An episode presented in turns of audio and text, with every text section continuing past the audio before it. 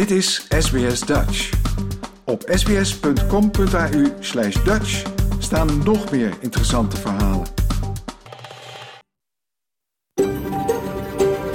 SBS, a world of difference. You're with SBS Dutch on mobile, online and on radio. Dit is SBS Dutch op mobiel, online en op radio. Graag erkennen wij de traditionele eigenaren en verzorgers van het land, van waar we vandaag SBS Dutch uitzenden. En uiten we ons respect aan de Camaragal mensen van de Kurungay Nation en hun ouderlingen uit het heden en het verleden. Ook kennen we de traditionele eigenaren van alle Aboriginal en Torres Strait Islander landen, van waar u vandaag naar ons programma luistert. Een hele goede morgen. Mijn naam is Paulien Roesink. Het is woensdag 17 augustus en u luistert naar SBS Dutch, het Nederlandstalige radioprogramma van SBS. In deze uitzending praten we met historicus Ingeborg van Tezeling over de krijgsgevangenen die in Australië vastgehouden werden tijdens de Eerste en Tweede Wereldoorlog. Verder wijdt taalman Frans Hertogs zijn gesproken column aan de naam Elisabeth. En horen we hoe het Tom Boerman, de Nederlander die de hele wereld overwandelt, vergaat in Australië. Dat en muziek allemaal straks. Nu eerst het nieuws.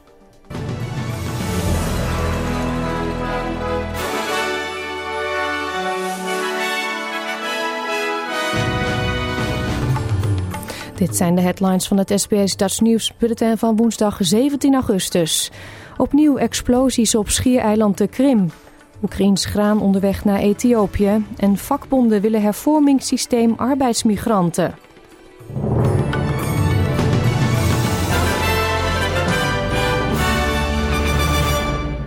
Rusland bestempelt een nieuwe reeks explosies op schiereiland de Krim als sabotage. De explosies op een munitiedepot in de door Rusland geannexeerde Krim en de reactie van Moskou daarop lijken een erkenning te zijn dat groepen die loyaal zijn aan, loyaal zijn aan Oekraïne de militaire logistiek schaden. Duizenden inwoners uit een nabijgelegen dorp moesten worden geëvacueerd. Rusland heeft de Krim gebruikt om zijn troepen die in delen van Oekraïne vechten te versterken. Kiev heeft gezinspeeld dat ze verantwoordelijk is voor de explosies. Bewoner Tamara Modovskaya moest haar huis verlaten en beschrijft wat er toen gebeurde. They welcomed us here. We don't have any complaints. The only thing is that we want to go home as soon as possible. We want to know how's everything at home, what's happened there. We don't know it all. They've said that my neighbour's house was damaged, but we don't know for sure. De Russische president Vladimir Poetin beschuldigt de Verenigde Staten ervan dat zij proberen om de situatie in Oekraïne te rekken. Washington zou op deze manier zijn wereldwijde suprematie willen behouden. Poetin uitte de beschuldigingen tijdens een toespraak op een veiligheidsconferentie in Moskou. De conferentie, georganiseerd door het Russische ministerie van Defensie, trok functionarissen uit Afrika, Azië en Latijns-Amerika. De Russische president vergeleek ook de Amerikaanse steun aan Oekraïne met Nancy Pelosi's recente reis naar Taiwan. Hij beweerde dat beide acties onderdeel waren van een Amerikaanse poging om onrust te stoken. The situation in Ukraine shows that the US is trying to prolong this conflict. They operate in exactly the same way, fueling the potential for conflict in Asia, Africa, and Latin America. The American adventure in relation to Taiwan is not just a trip of an individual irresponsible politician, but part of a purposeful, conscious US strategy to destabilize and chaotize the situation in the region and the world, a brazen demonstration of disrespect for the sovereignty of other countries and for its international obligations. Vladimir Poetin benadrukte ook dat het collectieve Westen de Europese veiligheid probeert te ondermijnen door nieuwe militaire allianties te vormen. Een humanitair schip met Oekraïns graan is onderweg naar Ethiopië, waar veel gemeenschappen honger lijden. Het is de eerste verzending in zijn soort naar landen die te kampen hebben met hongersnood.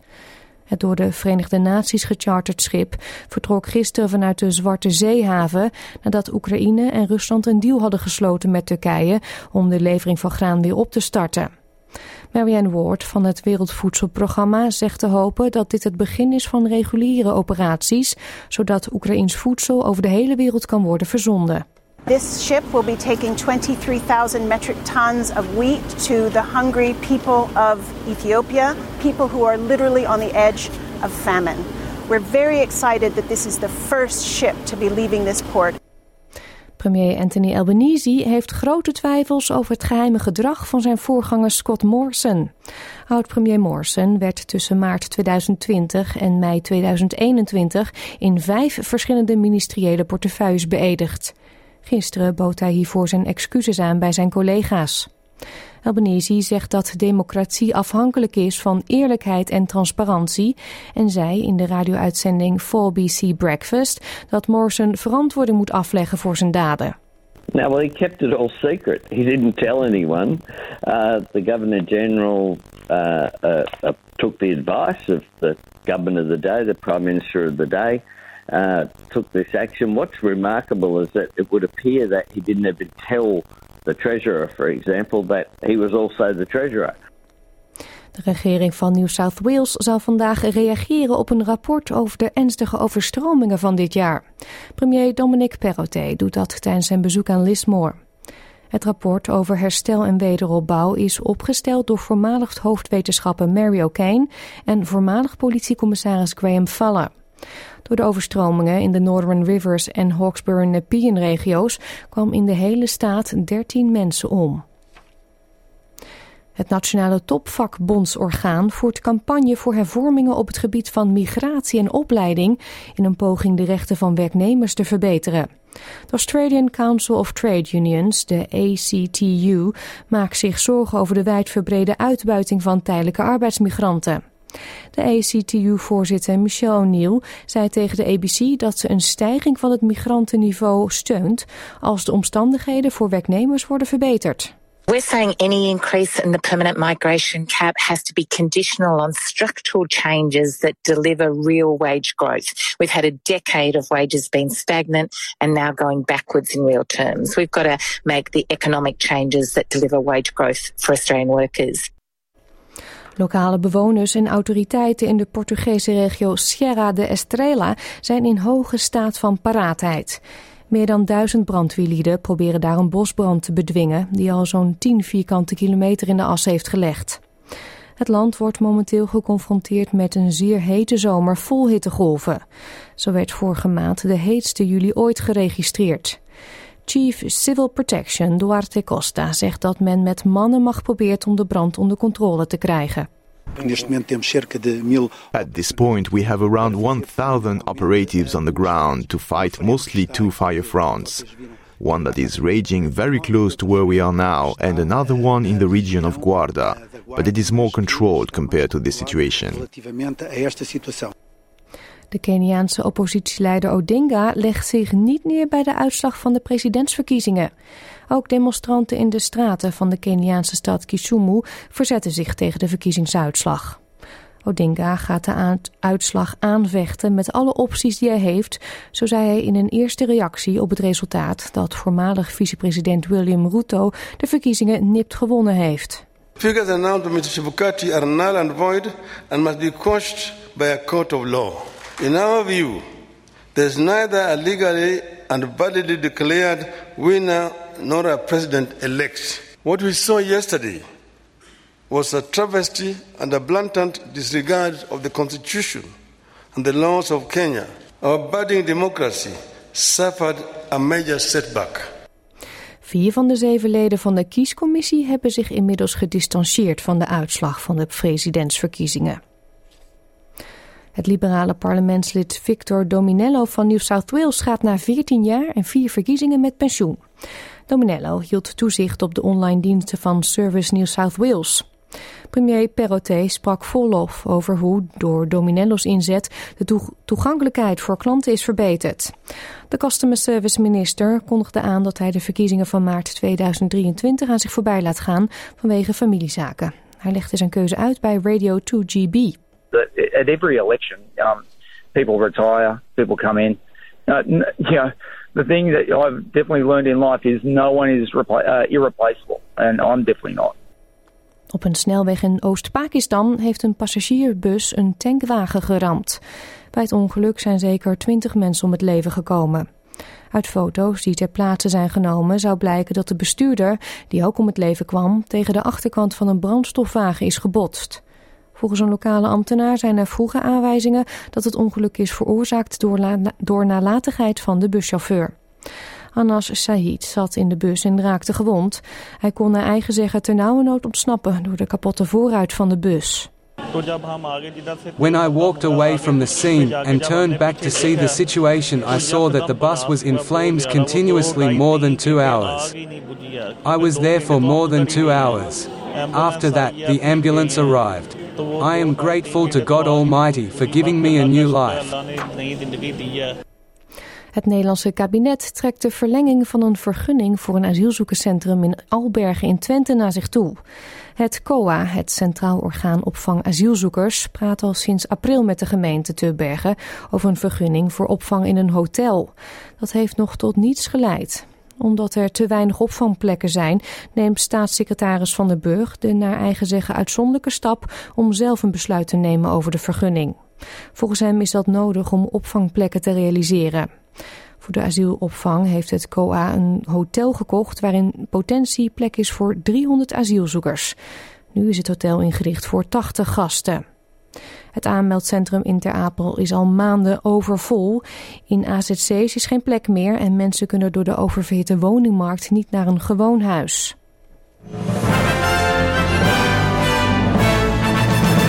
Dan nu nog de weersverwachting voor vandaag. In Perth zijn er buien en kans op onweer, 16 graden. In Adelaide is het bewolkt, 19. Melbourne een paar buien, daar wordt het 17 graden. Ook in Hobart kans op een bui, 15. Canberra daar overwegend zonnig. Het is zonnig in Wollongong, 19. Sydney overwegend zonnig, ook daar 19 graden. Newcastle gedeeltelijk bewolkt, 20. Het is overwegend zonnig in Brisbane, daar 22 graden. Cairns zonnig, 27. En ook in Darwin laat de zon zich zien. En daar wordt het 33 graden. Dit was het SBS Dutch Nieuws.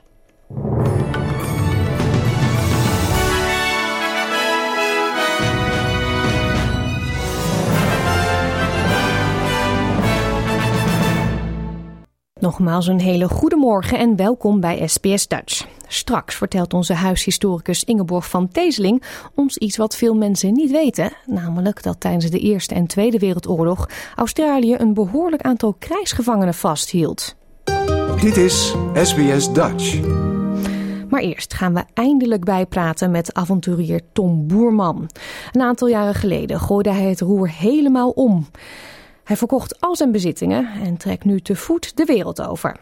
Zijn doel is om als eerste mens ooit om alle continenten te bewandelen. Hij vertelde daar eerder al over bij SBS Dutch. Ruim een jaar geleden ging hij van start in Europa. Daarna reisde hij af naar Amerika om daar een groot aantal delen te voet te verkennen. En inmiddels is hij alweer een anderhalve maand in aan het wandelen door Australië. En we zijn natuurlijk heel benieuwd hoe hem dat vergaat. Tom, je bent aan de lijn hè, live vanuit Queensland. Ja, goedemorgen. Ja. uh, bijna de Sunshine Coast. De Sunshine Coast alweer. Uh, hoe is het daar? Zonnig. Zonnig? Ik heb, uh, ja, ik, ik, op een, een of andere manier is het geluk aan mij zij. Ik heb tien minuten regen gehad sinds, sinds ik Cairns verlaten heb. Dus dat is ongelooflijk. Ja, je bent nu zo anderhalve maand onderweg door Australië. Omschrijf die tijd eens in de zin als dat kan. Um, ik heb nog nooit zo'n moeilijke weg gehad als de Bruce Highway. dat is een ding wat zeker is. ik loop normaal gesproken over de. Nou, ik loop normaal gesproken over de backroads. Door dorpjes waar mensen nog nooit van gehoord hebben. En um, nou, dat was letterlijk niks. Ik had geen andere keus dan over een snelweg te lopen. Dus dat was uh, niet heel romantisch in alle eerlijkheid. Uh, maar de hartverwarmende reacties van alle mensen onderweg die hun auto langs de kant van de weg stopten. Alle overnachtingen die bij aangeboden worden. Het is echt bizar. Ja, je hebt ook besloten om die Bruce Highway gewoon voor een deel te skippen. Hè? Je hebt een stukje gelift, want het was gewoon niet te doen. Nee, dat klopt. Ik, ik probeerde het eerste stukje van, de, van, van, uh, van de beruchte Marlboro Stretch. Ja, mensen waren vermoeid. Uh, de automobilisten, truckers op de telefoon. Ja, dat was, dat was gewoon suicide. Hmm. De, ja, ik, ik, ik loop voor het avontuur en voor de experience. En uh, het is een lifestyle, geen goal, zeg ik altijd. Dus uh, ik heb een stukje geskipt en ik heb nu prachtige backroads. En uh, ja, het begint nu echt leuk te worden. Ja, hoe is het met lijf? Valt het mee of tegen? Het valt wel tegen in alle eerlijkheid. het is, ik heb constant tegenwind. En um, Ja, de oppervlakte van de snelwegen, de kwaliteit is, uh, doet me een beetje denken aan België. Het is wat slecht. Dus ik moet gewoon harder werken om die uh, buggy, buggy vooruit te trekken die achter me aanhangt. Hmm. Dus uh, ja, dat voel ik wel in mijn kuit, in alle eerlijkheid. Dus ik heb de kilometers wat naar beneden, naar beneden gestroept per dag. Ja. En dan komen we er wel. Ja, en hoe zijn de Aussies? Leuk. Echt leuk. Het lijkt alsof iedereen die beneden de Evenaar woont wat meer laid back is en chill. Dus um, ja, ik kan gewoon vrolijk ergens aanbellen over een overnachting. Ze helpen me altijd. En als we het niet doen, dan doen de buren het wel. Dus ik kom in een soort warm bad terecht van gasvrijheid. En um, ja, het doet me een beetje denken aan het Midden-Oosten. Je kunt het natuurlijk niet helemaal met elkaar vergelijken, want dat is gasvrijheid weer van een hele andere orde. Maar het is heel makkelijk om hier overnachtingen te krijgen. Je kunt, uh, je kunt Aussies gewoon vragen stellen. Ze maken tijd voor je. En dat is niet in ieder land. Dat kan ik je, dat kan ik je verzekeren. Nee, en snappen ze ook uh, wat je doet en waarom je dit doet? Ja, ze zijn wel vrij kort van stof over het algemeen. Ook als ze langs de kant van de weg stoppen, even een praatje, wat doe je, pups? En dan stoppen ze wat geld in mijn handen voor een goede doel en dan gaan ze weer door. Um, maar ze, ze, ze, leggen de link ergens wel, inderdaad, ja.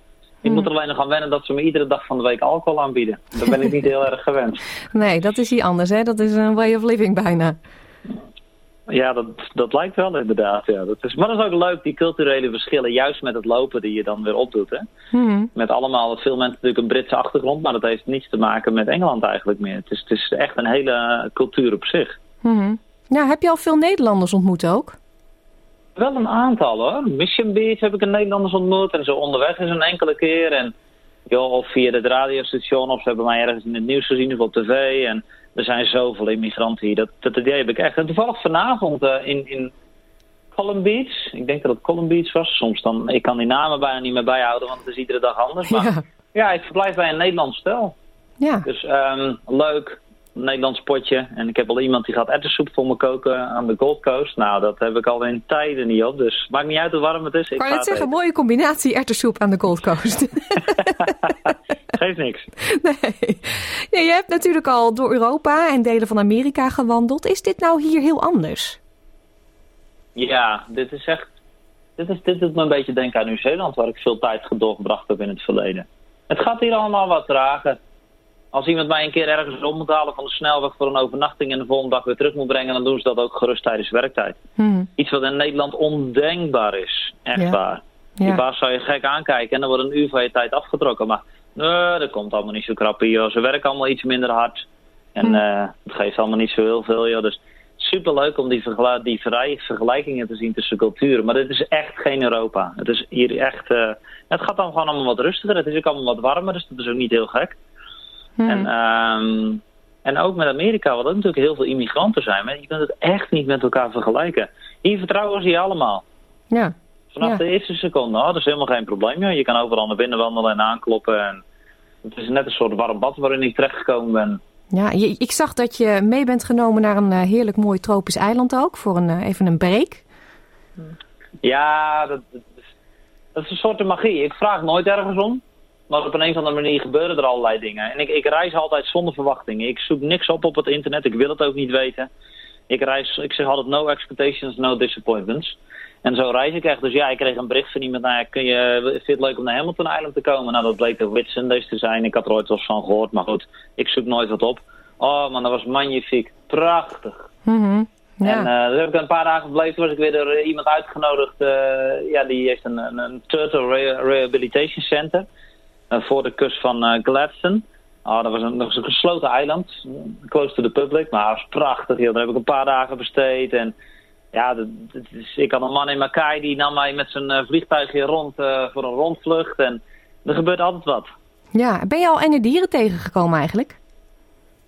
Uh, Gevaarlijke dieren? Nou, ik ben ja, ik ben eigenlijk alleen maar bang voor de grizzlybeer. Dus, nou, die, zit die is hier niet. gelukkig niet. En uh, nou, de, de, de, de, grap van de, van, van de dropbeer die heb ik iedere dag zo ongeveer al gehoord. Dus uh, daar hoef ik ook niet bang voor te zijn. En uh, nou, je komt wel eens een enkele slang tegen. Of, of, maar ja, daar lig ik eigenlijk niet heel erg wakker van. Die zijn niet geïnteresseerd in mij, toch? Nee, en je bent bijna krokodillen-territorium uit. Of zo goed als al eigenlijk al. Dus uh, dat heb je ook ja, gehad. Ik heb er wel geteld nul gezien. Nou, dat is wel uh, is mazzel of pech. Wat vond je dat jammer of uh, vind je dat nee, wel goed nee, zo? Nee, nee, nee, ben je gek. Ja, daar blijf ik liever wat verder van weg. Dat vind ik helemaal niet erg. Ik hoop eindelijk een keer een duik in de oceaan te nemen, want dat heb ik nog niet gedaan. Oh nee, dat is inderdaad in Noord-Queensland niet zo verstandig. Maar daar kom je nu inderdaad. Uh, Sunshine Coast, prachtig. Leuk. Ja. Ik ben heel benieuwd. Ik heb geen idee. Ik ken, het, ik, heb het alleen, ik ken het alleen van horen zeggen. Ja. Voldoet Australië tot nu toe aan je verwachtingen? Ook al had je die niet echt. Je zegt ik zie het wel, maar... Um, ja, dat zeg je goed inderdaad. Ik zie het wel. Um, laat ik het zo zeggen. Um, wat ik eerder omschreven een warm bad. Ik vind het ontzettend fijn dat mensen zo goed van vertrouwen zijn. dat, dat maakt het voor mij een stuk makkelijker. Want ik, ik, ik heb andere mensen nodig om te kunnen overleven. Dat, ik, ik, ik vertrouw echt op hen. Dus het is mij heel erg uh, in die zin. Ik had natuurlijk al een bepaalde verwachting. Dus in die zin is dat mij heel erg meegevallen. Het belangrijkste voor mij is dat ik gewoon ergens aan kan bellen en dat ze me niet met een geweer op staan te wachten op de driveway. Ja.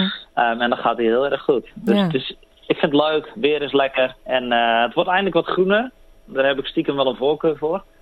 Dus um, dat hele droge in het noorden, dat uh, is prachtig hoor. Maar ja, nu dus die prachtige groene heuvels hier in dat, in dat hinterland. Oh man, ik heb ervan genoten de afgelopen dagen. Ja, het is leuk om een beetje bij te kletsen. Dat gaan we zeker binnenkort weer doen als je weer wat verder afgezakt bent. Kan ik een nummer voor je draaien nu eigenlijk? Ik weet niet, heb je een nummer waar je heel goed op kan lopen of zo? Of wat je helemaal op hebt of waar je een mooie herinnering aan hebt? nou, ik heb wel een nummer, maar het is, niet een, uh, het is niet een nummer waar je heel erg vrolijk van wordt. Maar dat doet mij wel veel goed. Het is een Nederlands nummer. En het is van uh, Over de Muur van Klein Orkest. En vroeger als kind, toen het nummer uitkwam, ik luisterde dat echt oneindig. Ik, dat, dat gaf alles weer wat reizen omhelst. Die mysterie bij het ijzeren gordijn, de tegenstelling die beschreven worden in het lied, ja, dat, dat bracht mij echt soort in vervoering. Dus um, ja, ik ga graag luisteren. Nou, gaan we die nu voor je draaien. Doe voorzichtig en uh, tot snel. Dankjewel, tot de volgende. Heeft u nou een slaappack voor hem of wilt u zijn avonturen volgen? Ga dan na onze uitzending naar onze website www.sbs.com.au Dutch voor een link naar zijn website en zijn sociale media. Niet veel mensen weten dat Australië tijdens de Eerste en Tweede Wereldoorlog mensen krijgsgevangen hield. Onze huishistoricus Ingeborg van Teeseling wil dit stukje historie graag aan u vertellen. Ze begint haar verhaal met een heel interessant man, Oscar Speck. Een Duitser die per kano zeven jaar lang de wereld overvaart en voor een vervelende verrassing komt te staan als hij in 1939 in Australië aankomt. Jouw gemeenschap, jouw gesprek, SBS Dutch. Ingeborg, het is alweer augustus en jij stelde voor om het deze maand eh, te hebben over krijgsgevangenen.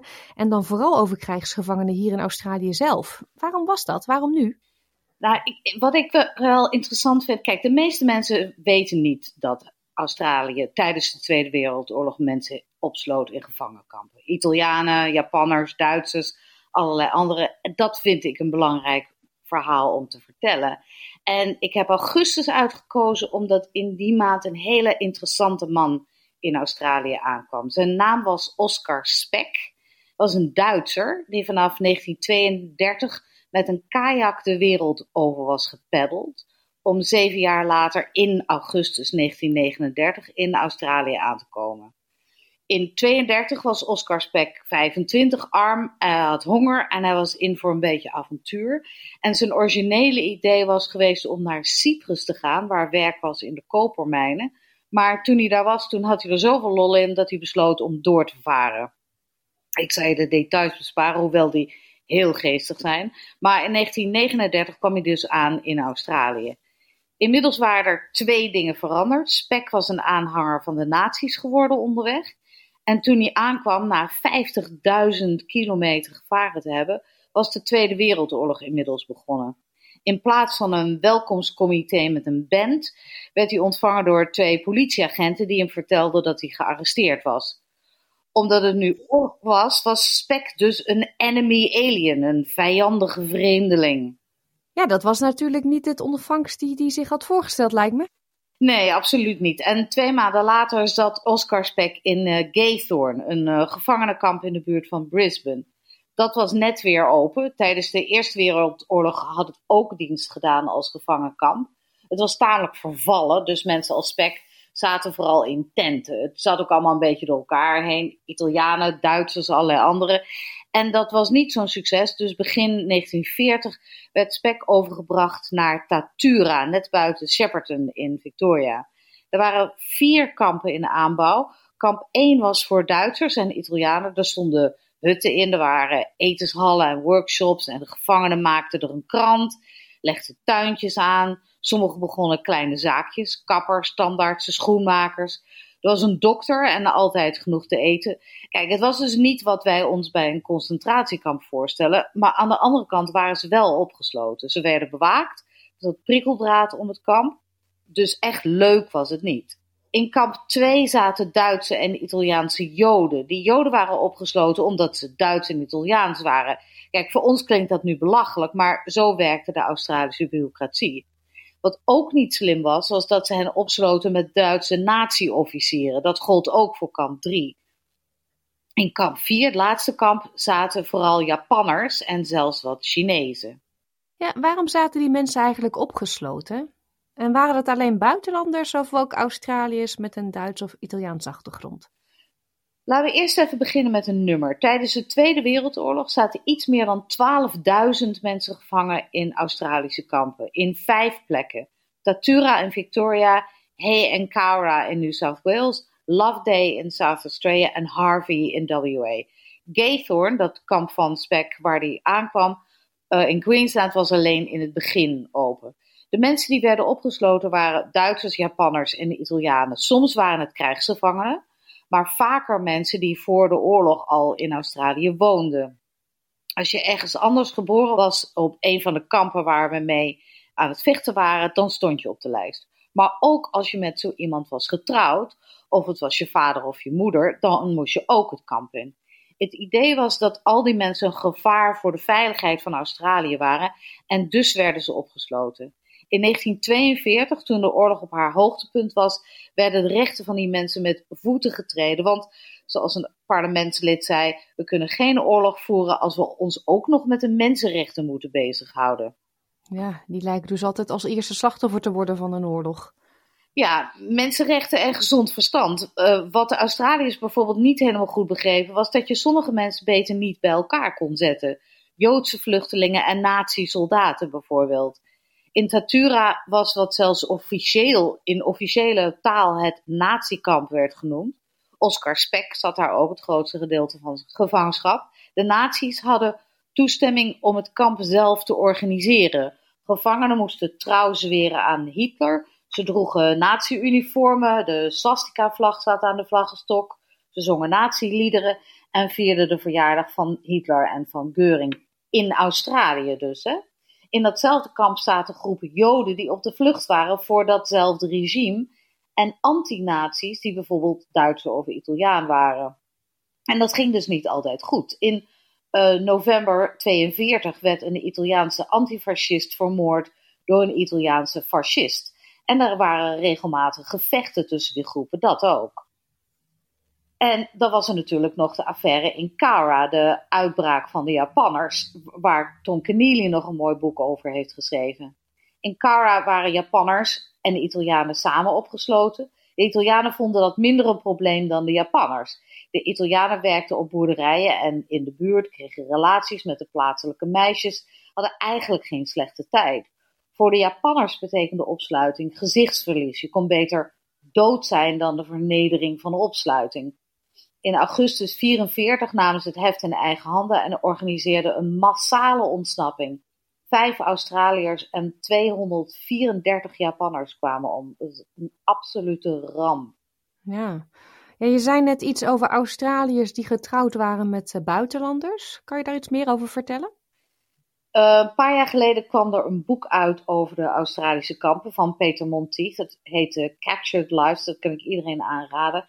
Daarin stelt hij ons bijvoorbeeld voor aan Margaret Shiozaki. Ze was geboren in Broome, was een lid van de First Nations gemeenschap daar. Maar ze was getrouwd met een man die trouwens ook in Australië was geboren, maar die Japanse ouders had. Dat hele gezin verdween achter de tralies van Tatura met hun zes kinderen. Margaret was toen zwanger en de jongste werd in het kamp geboren. De Australiërs stikten toen bij de nationaliteit van de baby Japanse vijandige buitenlander. Heel fijn. Ja. Er waren dus grote verschillen tussen de gevangenen. Ja, en ook in de manier waarop ze na de oorlog werden behandeld. In 1945, toen de oorlog dus voorbij was, werden de nazi's eindelijk gedenazificeerd, zoals dat heette. De swastika-vlaggen moesten worden ingeleverd. En nadat ze gedwongen waren om beelden uit de concentratiekampen van Bergen-Belsen en Buchenwald te bekijken, pleegden sommige gevangenen zelfmoord. Maar het interessante was dat de meeste nazi's, de meeste Duitsers in het algemeen, na de oorlog wel in Australië mochten blijven. Dat gold dan weer niet voor de Japanners. Die werden vrijwel allemaal gedeporteerd, zelfs als ze hier geboren waren. Dat was natuurlijk de grap van de White Australia Policy. De Australische regering in haar wijsheid dacht dat de nazi's goede Australiërs konden worden. En dat gold dus ook voor Oscar Speck. Hij werd in 1946 vrijgelaten. Een tijdje werkte hij in Lightning Ridge, waar hij eerst ondergronds als mijnwerker en later als dealer in opaal aan de slag was. Daarna werd hij zakenman met een groot huis aan de Central Coast van New South Wales, dat uitkeek over de oceaan. Maar desalniettemin zou hij altijd toch een beetje een bozige man blijven. Die 50.000 kilometer met die kajak, waarom wilde daar niemand nou een film over maken of een boek over schrijven? Hij vond zelf dat hij enorm over het hoofd was gezien.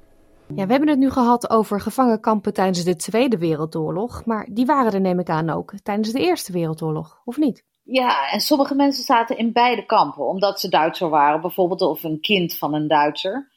Kijk, toen de Eerste Wereldoorlog begon, leefden er vele tienduizenden mensen in Australië die een achtergrond hadden die nu opeens een probleem was geworden. Turken, Duitsers, Hongaren, Bulgaren, Oostenrijkers die woonden hier, maar ook in de landen om ons heen. In Azië en het Midden-Oosten bijvoorbeeld. In landen die toen nog onderdeel waren van het Britse Rijk. Sri Lanka, Hongkong, Singapore, Fiji, Palestina, dat soort plekken. Kijk, het was natuurlijk niet hun schuld en ze konden er ook niks aan doen. Maar opeens waren ze vijanden, zelfs als ze hier geboren waren. Of genaturaliseerde Britse onderdanen waren. Of Australiërs die getrouwd waren met zo'n vijand. Dan waren ze dus de vijand toen de oorlog begon, begon het voor hen met allerlei nieuwe regels. Ze werden ontslagen, hun winkels werden geboycott, ze konden geen gemeenteambtenaar meer zijn of worden. Buren keerden zich tegen hun, families vielen uit elkaar en daarna werden ze opgesloten in kampen. De mensen die in de Britse buitenposten hadden gewoond, werden op het schip gezet en hier in een kamp opgesloten. Ja, dus het was eigenlijk een soort instant haat tegen deze mensen, hoewel ze eigenlijk niks gedaan hadden. Ja, nou ja, eh, kranten hadden grote koppen die het hadden over Duitse spionnen, die trouwens niet eens bestonden. Er werden boeken geschreven die Pas op, de vijand in ons eigen land heten. En de sfeer op straat kon zomaar enorm uit de hand lopen. Een van de gevangenen bijvoorbeeld had het over een menigte mensen die uit was om hem en zijn gezin te lynchen. Er bestonden organisaties als uh, de Vrouwen tegen de Duitsersliga. En dat allemaal bij elkaar creëerde een klimaat dat uiteindelijk zou uitmonden in zo'n 7000 mensen achter de tralies. Voor een land waar destijds maar 4 miljoen mensen woonden, is dat best veel. De eerste krijgsgevangenen waren de mensen aan boord van een Duits schip, de SS Scharfels. In de middag van 5 augustus 1914 was de oorlog begonnen voor Australië. En het schip kwam ongeveer een half uur later in Port Adelaide aan. De bemanning had natuurlijk geen idee dat de oorlog was begonnen, maar ze waren nu wel vijanden en dus gevangenen. Hoewel, daar was wel verschil in. De, het grootste deel van de bemanning bestond uit matrozen uit India. Zij waren niet wit, dus ze mochten hier niet blijven en werden dus gedeporteerd. De witte Duitsers werden opgesloten samen met de bemanningen van de 15 schepen die op 4 augustus nog rustig ergens in de Australische havens lagen, maar op 5 augustus opeens vijanden waren geworden. Ik heb deze informatie trouwens uit hetzelfde boek van Peter Montief, die Australische historicus. Ja, en dat boek heet dus Captive Lives, hè? Ja, zeker. Kan het erg aanraden. Ja, hoeveel kampen waren er eigenlijk tijdens de Eerste Wereldoorlog? Tien. Gaythorne, waar Oscar Speck in de Tweede Wereldoorlog een tijdje zou zitten. En dan had je Rottnest Island bij Perth en Bruny Island bij Hobart. Long Warren bij Melbourne, Torres Island bij Adelaide. En de rest waren kampen in New South Wales. Burke, Trial Bay, Holsworthy, Berma en Molonglo, als je dat zo uitspreekt. Kijk, wat vaak een probleem was, dat de mannen werden geïnterneerd, maar niet hun vrouwen en kinderen. Dat is dus anders dan in de Tweede Wereldoorlog. Kijk, dat klinkt wel aardig en rechtvaardig, maar de consequenties voor die families waren meestal rampzalig. Mannen waren doorgaans de kostwinners. En nu ze achter de tralies zaten, kwam er geen geld meer binnen. Dat betekende dus honger en gezinnen die de huur niet meer konden betalen, op straat terechtkwamen. En onthoud dat de meeste mensen hier al vele jaren woonden of zelfs geboren waren. Maar vreemdelingenhaat ligt altijd vlak onder de oppervlakte. En zeker toen de doden en gewonden cijfers van Gallipoli in de krant werden gepubliceerd, barstte de haat los. Meer mensen werden naar de kampen gestuurd, meer mensen braken uit op straat. Uh, Pieter Montieth in dat boek uh, Captive Lives heeft geeft een paar hartverscheurende voorbeelden van mensen die tussen de raderen terechtkwamen. Zo was er bijvoorbeeld Ottilie Goers. Ze was getrouwd met een man, een Duitser, die in de Barossa Valley in de wijnindustrie werkte. hij woonde al decennia in Australië, zij ook trouwens. Maar ze werden opgepakt, hij werd opgepakt en naar Holsworthy gestuurd in New South Wales.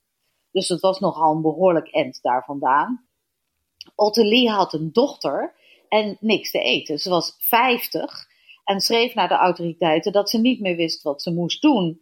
Ze deden absoluut niks voor haar. En drie jaar later zat haar man nog steeds opgesloten.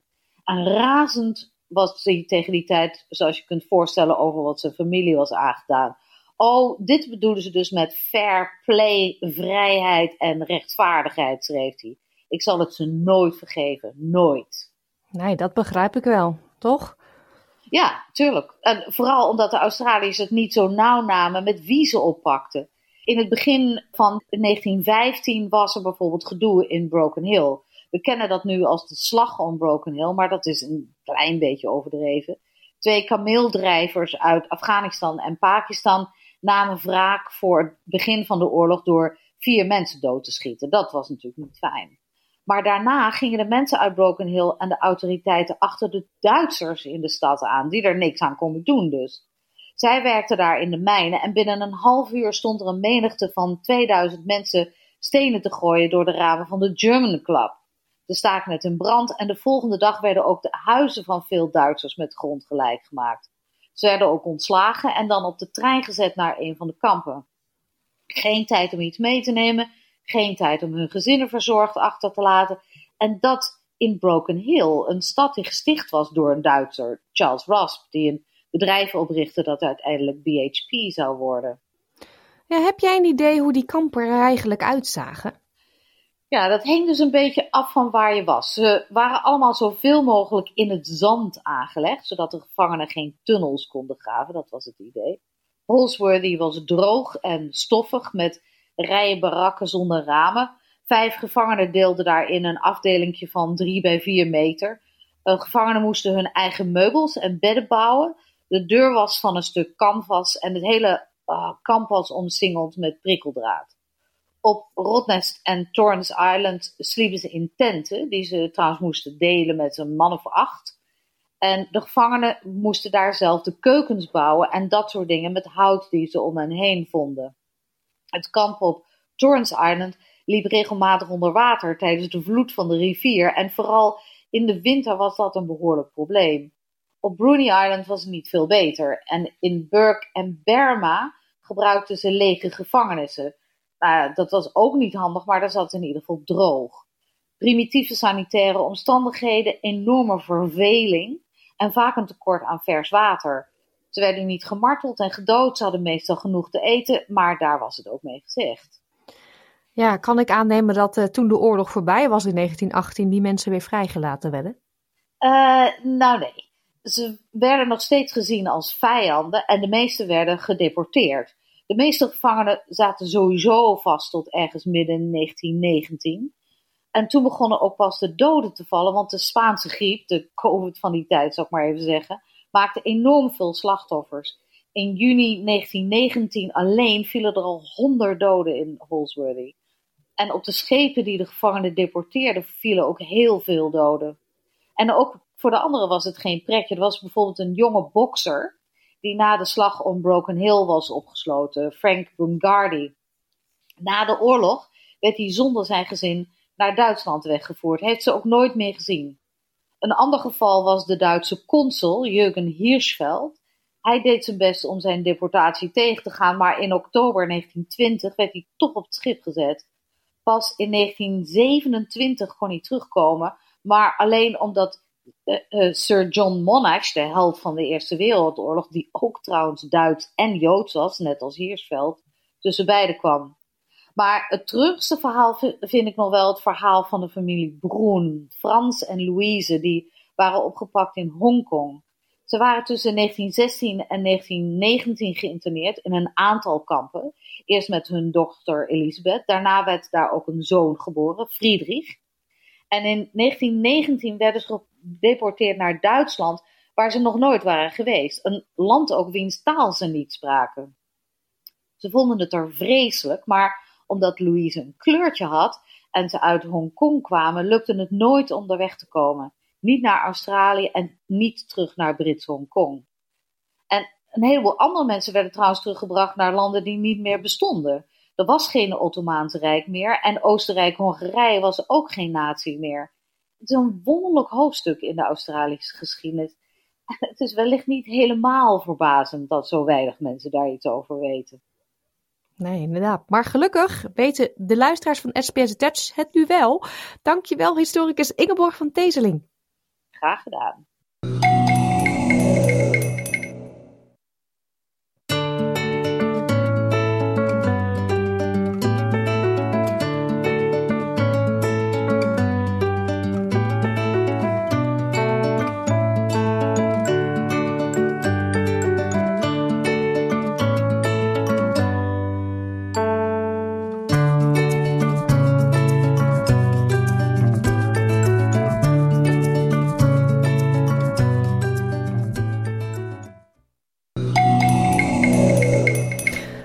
Voornamen zijn altijd een bron van gesprek. Zo kun je er lekker over bakkeleien, of je ze mooi of lelijk vindt, slap of stoer.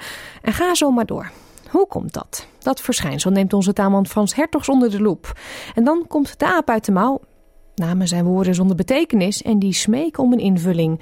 Zoals 117 afleidingen van de naam Eliseba en nog veel meer. SBS Dutch op radio, online en op je mobiele telefoon.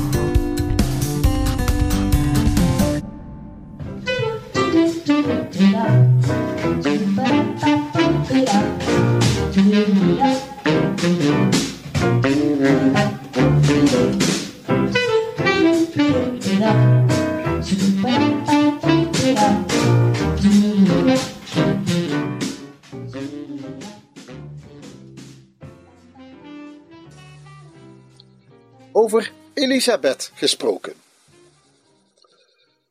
Een naam is een woord zonder betekenis. Ja, dat weet iedereen. Dik is mager en Riek heeft geen ijzeren tanden. Maar een woord zonder betekenis probeert om dat vacuüm aan te vullen.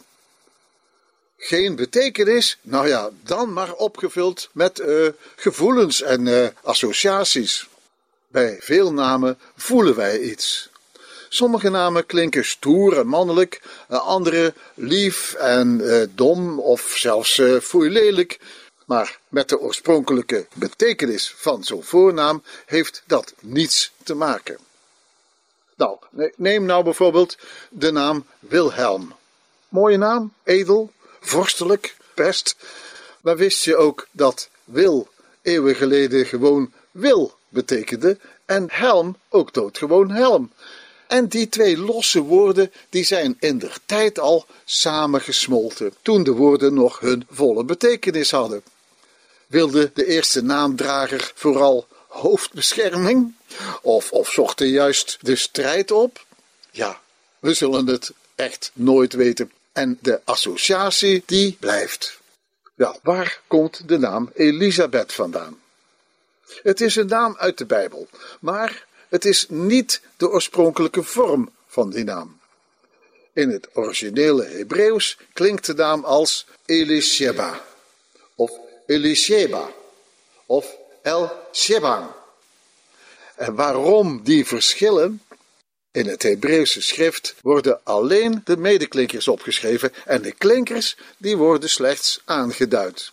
Nou, en, die, die variaties die zie je ook terug bij andere Bijbelse namen die tot op de dag van vandaag nog bestaan. Zo vinden we Noé en Noach, Nebukadnezar en Nabucodonosor en Joshua en Jozue. Handig is anders. Net als de naam Wilhelm bestaat ook de naam Elisheba uit twee delen die afgeleid zijn van twee gewone woorden met de oorspronkelijke betekenis God en Eid.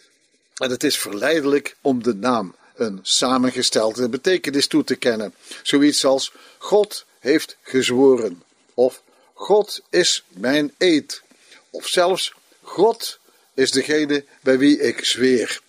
Maar ja, zulke verklaringen zijn wel erg onzeker hoor. Wel, wie was die hoogvereerde Bijbelse Elisabeth? Ze was een volle nicht van Maria en de moeder van Johannes de Doper. En zelfs was ze dus een tante van Jezus. Nou, de naam Elisabeth verspreidde zich al vroeg over heel Europa. Veel beroemde vrouwen kregen die naam.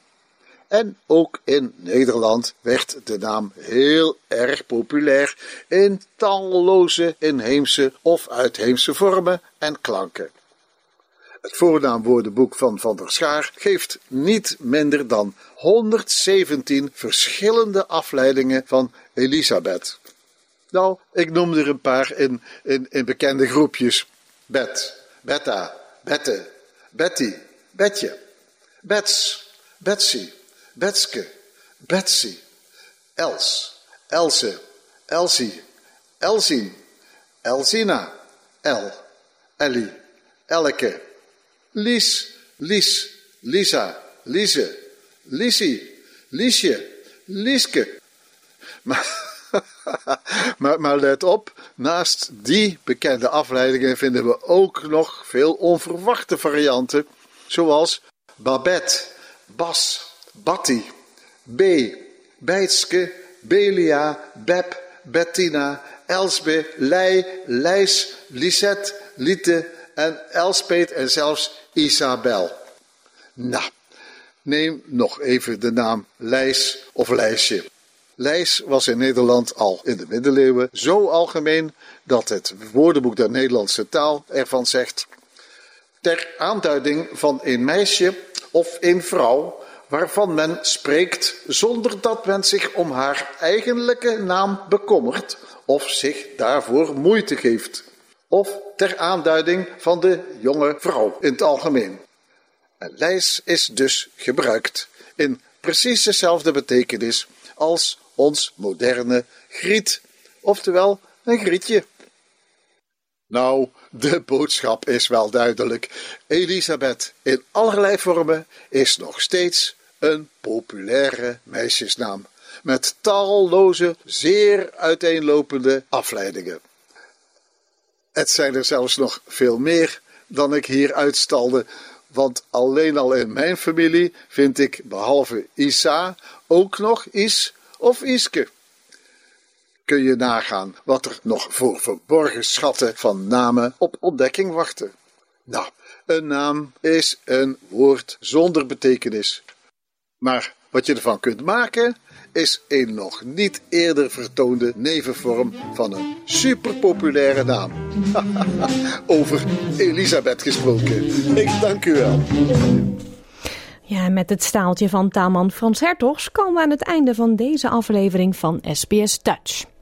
De uitzendingen naar onze andere verhalen en podcastseries, zoals Emigreren, Remigreren, de 12 provinciën en Astrid's Boekenkast, zijn terug te luisteren op onze vernieuwde website www.sbs.com.au Dutch. Zaterdag, ja, dan zijn we er natuurlijk weer. Ik wens u een hele fijne middag. Like, deel, geef je reactie. Volg SBS Dutch op Facebook.